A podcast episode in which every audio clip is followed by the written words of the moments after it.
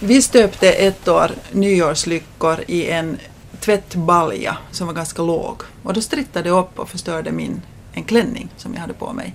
Och då tänkte jag att skulle det ha stått ett litet barn bredvid så skulle det kanske inte varit helt bra. Hur, hur försiktiga ska vi vara med nyårslyckor?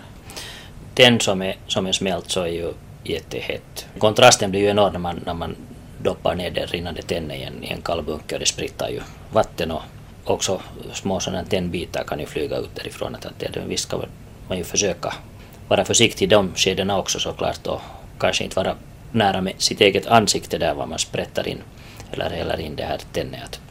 Har du någonsin sett skador upp som har uppstått på grund av tenn? Av, av rinnande tenn, av, av, av nedsmält tenn nog så har folk bränt sig på, på dels den stöpsleven och, och till och med små droppar av tenn har, har någon fått på sig men aldrig några svåra skador av det här. Inte, inte i samband med stöpande av nyårslyckor. Men det finns annat man ska vara försiktig med under nyår också?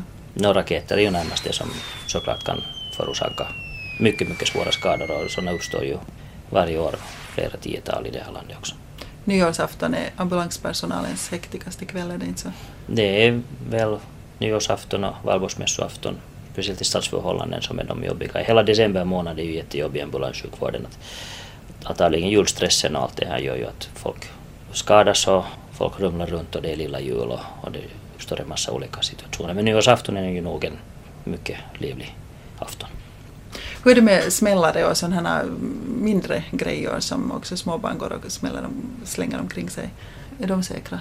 Ja, det beror på var de träffar. Att, att, att de här minsta smällarna så hålla ju en del till och med i sin hand men det är ju aldrig rekommendabelt att hålla någonting som exploderar i sin hand oberoende hur litet ofarligt det kan se ut. Och sen ofta händerna är inte långt ifrån ansiktet oberoende hur långt man sträcker ut dem. Att, att, att sen smäller det åt fel håll och så har man det i ögonen och, och ögonen är jättekänsliga för sånt här bränt krut och, annat hett så det förstör, man kan förstöra synen för livet.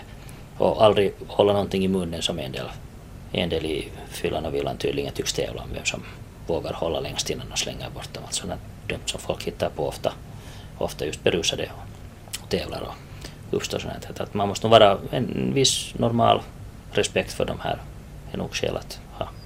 Hur är det med de här glasögonen, skyddsglasögonen, skyddar de tillräckligt bra? De skyddar nog bra.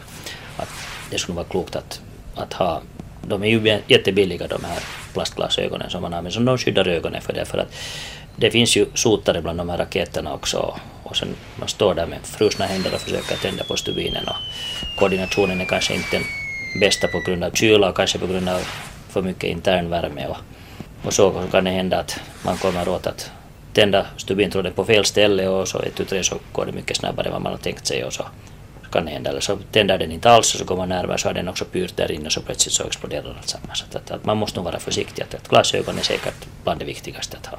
Skjuter själv nyårsraketer? Jo. Med eller utan glasögon? Glasögon tycker jag att borde vara lika självklart som att ha hjälm när man cyklar. Har du hjälm när du cyklar? Yes.